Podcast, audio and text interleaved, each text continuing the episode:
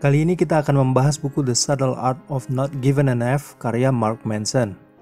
Sebagian besar dari kita berjuang sepanjang hidup dengan terlalu banyak memusingkan hal yang tidak pantas untuk dipusingkan.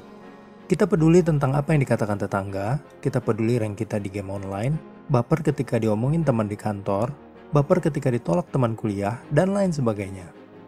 Ada beberapa poin pelajaran yang bisa kita ambil dari buku ini. Yang pertama, kenali diri dan ketahui tujuan hidup. Penting untuk selektif memilih memusingkan hanya pada hal yang kita anggap penting dalam hidup. Tetapkan prioritas dan tujuan hidup kita. Bisa mendapatkan nilai yang bagus, berhasil dalam karir atau bisnis, dalam menjalani hubungan, dan lain sebagainya. Apakah peduli dengan apa yang dipikirkan atau dikatakan orang lain akan membantu kita mencapai tujuan itu? Tentu saja tidak. Memusingkannya hanya mengalihkan perhatian kita dari tujuan dan prioritas yang sebenarnya. Apa yang orang lain pikirkan adalah urusan mereka, bukan urusan kita. Cobalah identifikasi apa yang menyebabkan kita peduli dengan apa yang orang lain pikirkan tentang kita. Apakah kita mengharapkan pengakuan dari mereka, atau apakah kita berusaha menyenangkan semua orang? Menemukan hal yang benar-benar penting dan berarti dalam hidup adalah hal paling produktif dalam menggunakan waktu dan energi. Karena jika kita tidak punya tujuan hidup, kita akan memusingkan hal-hal yang tidak penting. Yang kedua, you are not special. Saat kita merasa spesial atau unggul dari orang lain, kita menjadi subjektif dan tidak bisa mengakui masalah dan kelemahan kita. Dan cepat atau lambat, kenyataan akan menyadarkan kita, dan itu akan menyakitkan.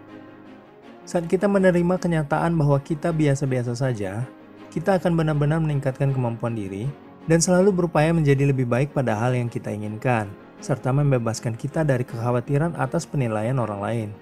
Contoh nyata nih, saat pendidikan kerja dulu, saya merasa sangat biasa, bahkan di bawah rata-rata jika dibandingkan dari rekan-rekan yang lain.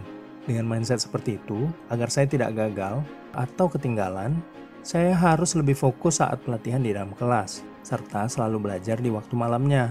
Saya tidak memusingkan apa yang dikatakan rekan-rekan saya pada saat itu. Ternyata di akhir pelatihan, saya mendapatkan nilai tertinggi dari semua peserta pendidikan dan pelatihan kerja.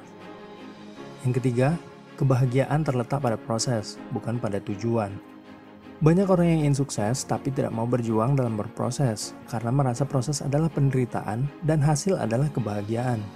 Mereka merasa kebahagiaan adalah tujuan yang akan dicapai dan jika telah sampai maka penderitaan akan sirna selamanya.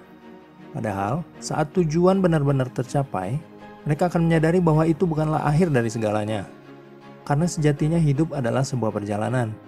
Maka dari itu, berbahagialah pada proses karena pada prosesnya lah kita banyak menghabiskan waktu dan usia kita, bukan pada hasilnya.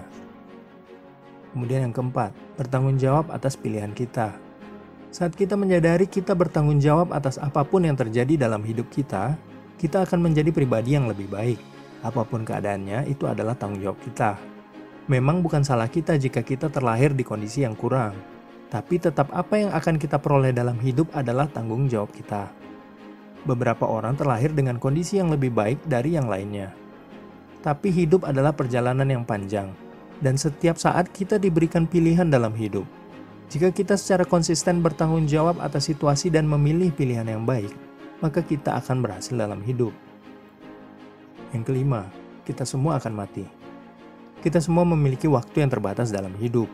Hidup terlalu singkat jika dihabiskan untuk memusingkan hal-hal yang tidak penting ada beberapa catatan penting dari buku ini. Yang pertama, tidak ambil pusing bukan berarti menjadi acuh, tapi menjadi nyaman sebagai yang berbeda. Yang kedua, untuk tidak memusingkan hambatan, kita harus lebih dulu pusingkan apa yang lebih penting dari hambatan tersebut. Kemudian, kita memiliki jumlah ambil pusing yang terbatas untuk digunakan. Perhatikan ke mana dan ke siapa kita menggunakannya. Buku ini sangat bagus, dan saya sangat menyarankan untuk membaca buku ini versi Inggrisnya ya. Soalnya banyak frasa yang tidak bisa diartikan sepenuhnya ke bahasa.